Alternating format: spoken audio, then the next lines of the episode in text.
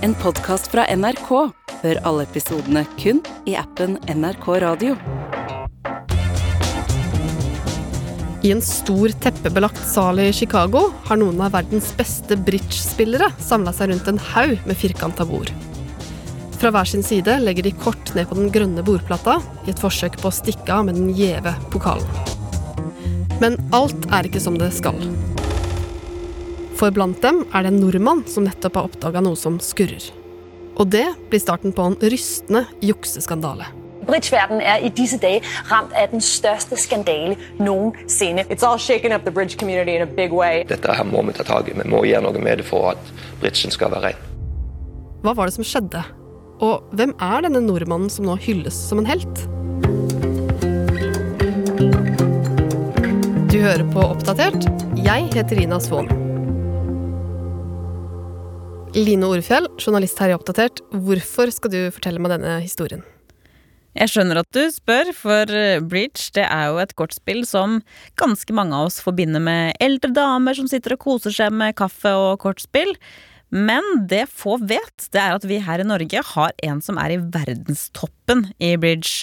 En stor stjerne i bridge-miljøet, som nå også har blitt kjent som en slags eh, Sherlock Holmes. Mm. Og Det er derfor du har gravd deg ned i denne bridge-sporten den siste tida. Ja, for denne Sherlocken, det er en nordmann som heter Boje Brogeland. Han har vært involvert i en rimelig saftig skandale som har bevega seg langt utafor det typiske bridge-miljøet. Det har til og med blitt en egen dokumentar som heter Dirty Tricks ut av det som har skjedd. Og der kommer det fram at Boje han er en fyr med ekstremt sterk rettferdighetssans som er villig til å ofre mer eller mindre alt for sporten han elsker.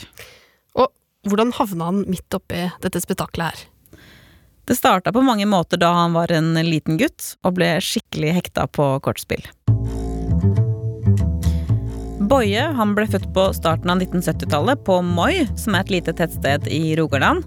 Og han var ganske liten, bare rundt sånn åtte år gammel, da han ble introdusert for eh, bridge. For morfaren til Boje han var nemlig engasjert i den lokale bridgeklubben. Og det var han og mormoren til Boje som sørga for at denne åtteåringen fikk lære seg kortspillet. Og mens mange av oss, eh, meg selv inkludert, eh, knapt klarte å spille gris i den alderen, så viser det seg altså at Boje hadde et kjempetalent for bridge. Noe som jo er ganske sjukt å tenke på, for bridge det er et rimelig komplisert eh, spill. Ja, For hva slags spill er det egentlig? Dette her er vanskelige greier, men veldig kort fortalt så er bridge et kortspill som går ut på å samle mest poeng. Og man spiller to og to sammen, altså i par. Så for å bli skikkelig god i dette spillet, så lønner det seg jo med en god partner, da. Og dessuten så bør du være sjukt konsentrert og ha god hukommelse. Ja, Og det oppdaga Boje som liten gutt at det hadde han. Ja. Han har selv fortalt at han ble såpass gira på bridge at han tilbrakte nesten hver eneste helg hos besteforeldrene sine for å spille. Og selv om han vant den ene turneringa etter den andre, så fikk han på et tidspunkt klar beskjed av eh, mormoren sin. For hun ba han om å heller fokusere på studiene. For bridge, nei, det gikk det ikke an å leve av, mente hun. Men der må jo mormor ha tatt ganske så feil. Hun gjorde det, ja. For selv om bridge er et uh, ganske så snevert spill, så kan man leve av det hvis man blir skikkelig, skikkelig god. Og det ble Boje. Så selv om han sikra seg med en økonomiutdannelse i bånn, så kunne han rett og slett bare droppe hele jobbsøkinga og heller satse alle korta sine, bokstavelig talt, på bridge. Så gjennom 90-tallet og starten av 2000-tallet så håva han inn flere viktige seire, bl.a. både bronse, sølv og gull i verdensmesterskapet for bridge. Og plutselig så visste veldig mange over hele verden hvem Boje Brogoland var. If you had your dream, what would your life be like? Would it be any different from what it is No. I would say it would be very much like what, what I do now. The thing is that from time to time it just gets too busy. Så han ble rett og slett en slags kjendis i bridge-miljøet. Ja, det kan du si. Han ble i hvert fall kjent for å være en usedvanlig dyktig spiller, og dessuten så var han en viktig mentor for yngre stjerneskudd innad i miljøet. Og siden man spiller to og to sammen i bridge, altså som partnere, så var han og laget hans alltid på jakt etter nye talenter som de kunne spille med, for å vinne store turneringer og konkurranser. Og etter mange år på toppnivå, rundt sånn 2012, så fikk han et ganske godt tips om en helt spesiell fyr. When I play bridge, I feel that I maximize my talent. But to be the best in bridge in the world, only one. It's me. Dette her, det var Lotan Fisher, som da var i starten av 20-åra. Lotan er fra Israel, og han hadde, som Boje, spilt bridge siden han var en liten gutt. Ifølge ham selv så har han klisterhjerne og fotografisk hukommelse, altså evner som kommer rimelig godt med hvis du har lyst til å hevde deg i bridge. Så Lotan hadde rett og slett gjort det dritbra. Han ble vist fram på TV som et slags vidunderbarn. Cruisa gjennom diverse turneringer. Og dette her, det hadde Boje og mange andre toppspillere fått med seg. Så Boje han ringte til Lotan og spurte om han ville bli med på bridgelaget hans. Og Lotan ble rett og slett kjempeglad. Han fikk helt stjerner i øya. Så Lotan og hans faste bridgemakker de takka selvfølgelig ja til å bli en del av laget til Boje. Og i starten så gikk det kjempebra. Lotan og Boje de fant tonen og ble også gode venner. Og det er jo nettopp det man ønsker skal skje. Altså at de man spiller med, også blir gode venner på fritida. Og de neste to åra så håva de inn flere viktige seire sammen med resten av laget. Det høres jo ut som et drømmelag. Ja, men denne One Big Happy Family-stemninga, den varte ikke evig. For eh, Lotan han var såpass ettertrakta på dette tidspunktet at han stadig fikk gullkanta tilbud slengt etter seg. Og da han fikk en telefon fra en rik og anerkjent forretningsmann fra USA, så klarte han ikke å si nei. Så Lotan og spillpartneren hans de forlot Boje og de andre og gikk over til dette konkurrerende laget som denne rike amerikaneren frista med. Mm, det må ha vært nokså kjipt for Boje, da. Ja, det er jo aldri populært å miste gode spillere når man konkurrerer på toppnivå, og ifølge Lotan så var Boje faktisk eh, ganske sjalu på at han fikk denne muligheten. Men uavhengig om det var sant eller ikke, så fikk jo vennskapet deres en solid ripe i lakken av dette bruddet. Men det skulle bli verre. For i 2015, ikke så lenge etterpå, så var det duka for den prestisjetunge Spingold-turneringa i Chicago i USA. Og der skulle de to, Boje og Lotan, for første gang spille mot hverandre på hvert sitt lag, nå som arge konkurrenter. Og det ble mer dramatisk enn noen av dem hadde sett for seg.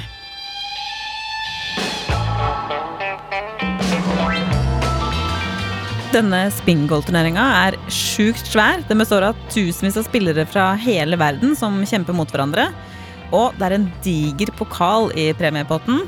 Og lagene til Lotan og Boje de endte opp i kvartfinale mot hverandre.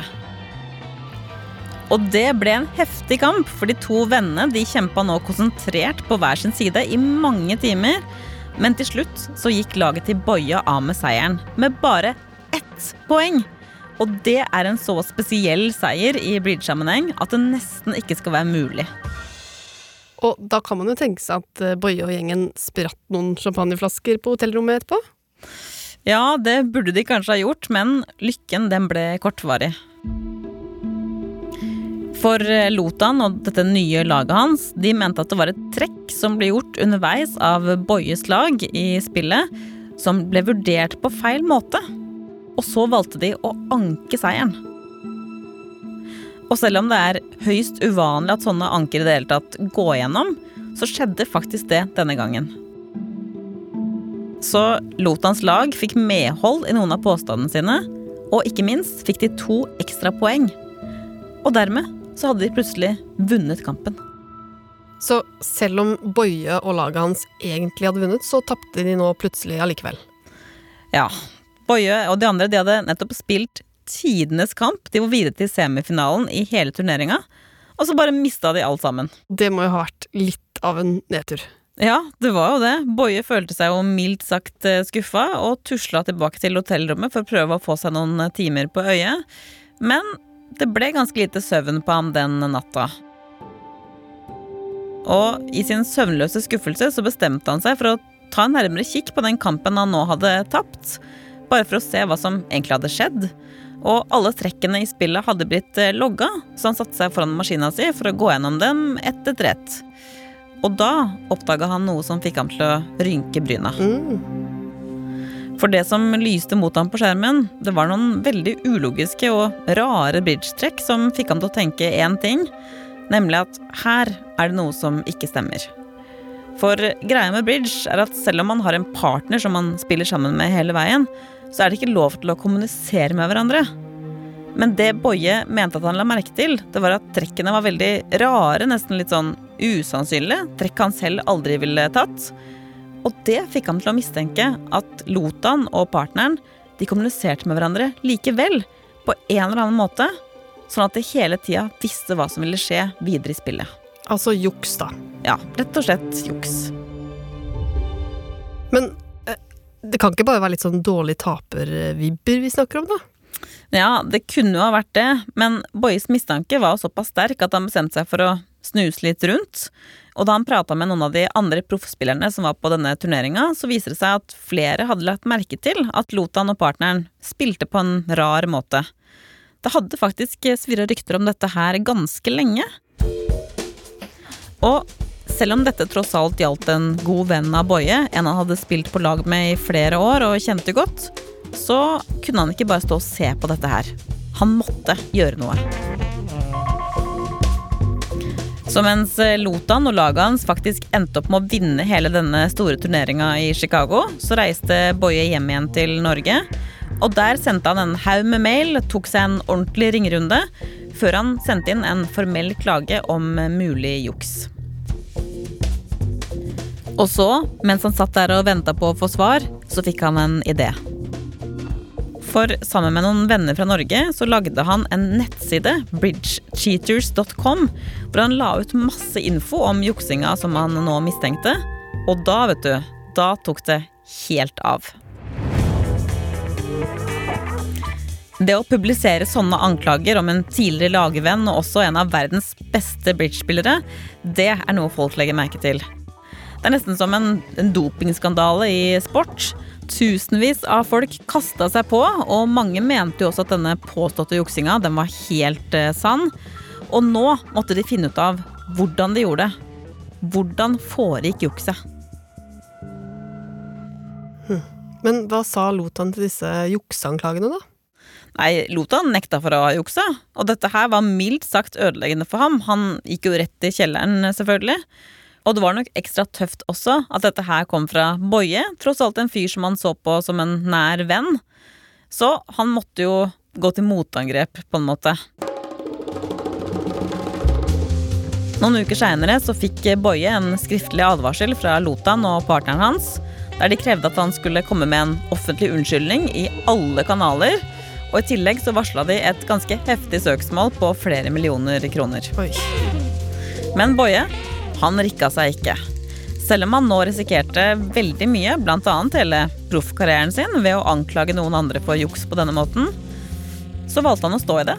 For nå var dette her blitt en fanesak for ham. Han skulle komme til bunns i denne juksinga som han mente foregikk. Og etter hvert så virka det som det han nå jobba for, fikk resultater også. For etter en stund så ble Lotan kalt inn til høring med spesialutvalget i Bridge, som skulle undersøke om det var juks her, og hva slags straff Lotan da eventuelt ville få. Og hvordan gikk det? Nei, Lotan ble jo kjørt rimelig hardt. Det ble holdt flere runder, nesten som avhør, der blodseriøse bridgemenn satt sammen med advokater og stilte han og partneren hans masse spørsmål om disse anklagene. Lotan nekta fortsatt, og han foreslo selv å ta en løgndetektortest for å bevise sin uskyld, og det fikk han også lov til. Så da ble han plassert i den typiske stolen med sånne sensorer festa til armen og til brystet, hvor han fikk en haug med spørsmål om juksing, f.eks.: Har du brukt en vannflaske til å kommunisere med partneren din? osv. Men Både Lotan og partneren svarte nei på alt dette, og det viste seg at de snakka sant. I hvert fall ifølge løgnedetektortesten, for den besto de med glans. Og dette må jo ha vært en, en lettelse, en seier, rett og slett, for de. Ja, definitivt, for endelig så hadde jo han og partneren hans klart å bevise, følte de da, at de faktisk ikke var noen lugubre juksemakere, men at de spilte bridge på helt redelig og ærlig vis. Og dette her tok de med seg til dette spesialutvalget i et forsøk på å ikke bli dømt og utestengt fra bridgeverdenen. Men inne på internett, vet du, der var det fortsatt eh, full kok. Og hjemme i Norge så satt Boje, som fikk nye tips hele tida om eh, juks via nettsida si. Og han og mange tusen andre bridgespillere var fortsatt helt overbevist om at den løgndetektortesten den betydde ingenting. Lotan han hadde ikke rent mel i spillposen, for å si det sånn. Og så oppdaga skeptikerne en skikkelig gullgruve. Året før all denne bridge-balubaen, altså 2014, så ble Europamesterskapet i bridge filma for aller første gang. Og det betydde altså at Boje og alle de andre spillerne som mente at Lotan var en jukseper, de hadde nå muligheten til å studere hvert enkelt spill med lupe. Så da satt de der, foran hver sin skjerm, som en haug med små bridge-detektiver, spredd over hele verden, og alle jakta etter juks. En av proffspillerne har fortalt at han brukte en hel måned faktisk på å gå gjennom alle opptakene. Det var flere tusen timer totalt og ubetalt arbeid. Men her ble absolutt alle trekk, vanndrikking, hvordan kortene ble delt ut, studert og analysert i fillebiter. Til og med hver enkelt håndbevegelse ble gjennomgått. Og Boje selv, han sov nesten ikke om natta lenger, for denne jukseletinga hadde tatt fullstendig overhånd. Han og kona hans hadde også flytta til hemmelig adresse etter at politiet råda ham til å gjøre det, bare for eh, sikkerhets skyld. Såpass eh, alvorlig er det. Så en ganske dramatisk situasjon, med andre ord. Absolutt. Og en dag mens Boje prøvde å få en liten bridge-pause ut på hytta si, så tikka det inn en tekstmelding på telefonen hans. Den var fra en fyr i Sverige, rett og slett en svensk proffspiller i bridge, og han skrev 'Jeg har løst det'. Nå vet jeg åssen de jukser. Denne svensken her, han trodde at svaret lå i den såkalte kortmappa, altså en mappe som bridge-spillere bruker til å sende kortene fram og tilbake over bordet med. Det er vanlig å legge denne mappa midt på bordet, men Lotan og partneren hans de varierte. Noen ganger ble mappa lagt til høyre på bordet, noen ganger til venstre, andre ganger langt inn på bordplata, osv. Så denne svensken han mente altså at det var en slags kode for noe? Ja, teorien var at de hadde laga seg et system der plasseringa av denne mappa kommuniserte hvor sterke kort de hadde på hånda. Og det forklarte jo også alle disse merkelige, ulogiske trekkene som mange mente at de så. For hvis denne teorien stemte, så ville det ikke være ulogiske trekk, men heller kalkulerte trekk som virka snodige der og da, men som jo var en del av en sikker seier. Og nå ble det laga en video der alle disse merkelige mappeplasseringene ble klippa sammen i et bankende kjør. Og den gikk selvfølgelig sin seiersgang inne på YouTube. Og mange var ikke i tvil. Dette her måtte være juks. Så denne filmen, eller jukseteorien, den ble med i vurderinga da det blodseriøse Bridge-utvalget skulle gjøre sin endelige vurdering i saken mot eh, Lotan. Etter flere høringer med tøffe intervjuer og masse diskusjoner, så var dommen klar. Lotan og partneren hans de ble nå offisielt utestengt fra hele bridge-miljøet. Ikke bare som spiller, men også som tilskuer og trener for hele resten av sitt liv. Og det er jo en usedvanlig streng straff, og må ha vært en veldig nedslående beskjed for Lotan. Hva sa han selv? Altså Nok en gang så sa han at han og Mackert hans aldri hadde juksa, og at han nå hadde blitt eh, uskyldig dømt, da, eh, på en måte. Samtidig så måtte til og med han innrømme at den videoen som herja rundt på YouTube, den virka jo veldig troverdig. Men han mente også at den var manipulerende og laget utelukkende for å ødelegge for han. Men allikevel så ble han altså utestengt på livstid. Ja, for Lotans del så betydde dette her at hele karrieren hans, det han hadde levd og ånda for helt siden han var en liten gutt, bare ble revet vekk og stapla rett i søpla. Og selv om man kanskje skulle tro at dette her ble en stor jubel for Boje og alle de andre som hadde kjempa for å bevise dette jukset i flere måneder, så var det egentlig ikke det. For juks på proffnivå, det er alltid et nederlag. Og det viste seg dessuten at dette her, det var bare toppen av jukseisfjellet. Oh. For i årene som har gått etter at Lotan ble utestengt, så har flere andre proffspillere også blitt avslørt som juksemakere. Og noen av dem er i verdenstoppen. Og det er Boje som har avslørt også dem? Ja, mange av dem er det han som har tatt. Han har nå fått en helt spesiell status i bridge-miljøet pga. alt som har skjedd. Han blir kalt for sheriffen, og han lever fortsatt eh, utelukkende av bridgen, noe han også lever eh, godt på. Men eh, Line, denne dommen Lotan fikk som gjør at han blir utestengt på livstid og har mista hele karrieren sin, altså kan vi være sikre på at eh, det er sant at han juksa? Han har jo aldri innrømt det her. Nei, Det er jo klart at det er vanskelig å få helt konkrete bevis, svart på hvitt, når ingen vil innrømme at de har juksa. Og det er faktisk en fysikkprofessor som har støtta Lotan og makkeren hans. Han hadde ikke peiling på bridge, men statistikk, det kunne han veldig mye om. Og han sa at disse bridge-detektivene hadde laga seg en sannhet basert på det de ønska å se, og at de bevisst hadde sett bort fra alle tilfellene der teorien deres ikke stemte i det hele tatt. Alt dette her sa han til spesialutvalget, uten at det fikk noen innvirkning på resultatet i saken. Men til tross for all denne begredeligheten, så er det én ting som Lotan kan godte seg litt over. Okay. For i 2020, da verden var stengt ned, så ble hele verdensmesterskapet i bridge arrangert på nett. Og selv om Lotan åpenbart ikke fikk lov til å delta, så gjorde han det likevel. Under et alias, og han vant. Oi. Men Line, dette her er jo en historie om en skandale i en sport veldig få kan, og noen ikke engang har hørt om. Og likevel så har den jo engasjert tusenvis av mennesker verden over. Ja, og det er jo egentlig ikke så rart, for dette her var en mye større avsløring enn bare jukset til Lotan og makkeren hans. Flere toppspillere har nå blitt eh, dømt og utestengt fra hele bridge-miljøet. Og det er jo takket være denne nordmannen Boje at man nå har fått et oppgjør innad i sporten og avdekka veldig mye som overhodet ikke er greit. Så hva er moralen her? Nei, den er vel kanskje noe så enkelt som at uh, juksing, det lønner seg aldri.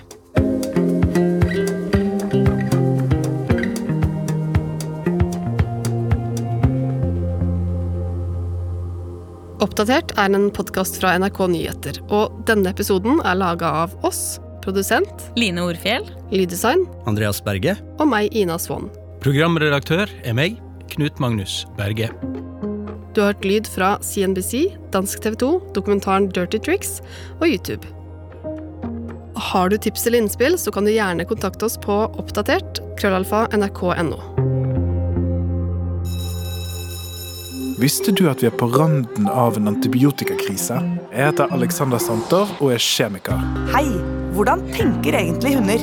Jeg heter Maren Teien Rørvik og er ekspert på dyreatferd, og jeg jobber som hundetrener.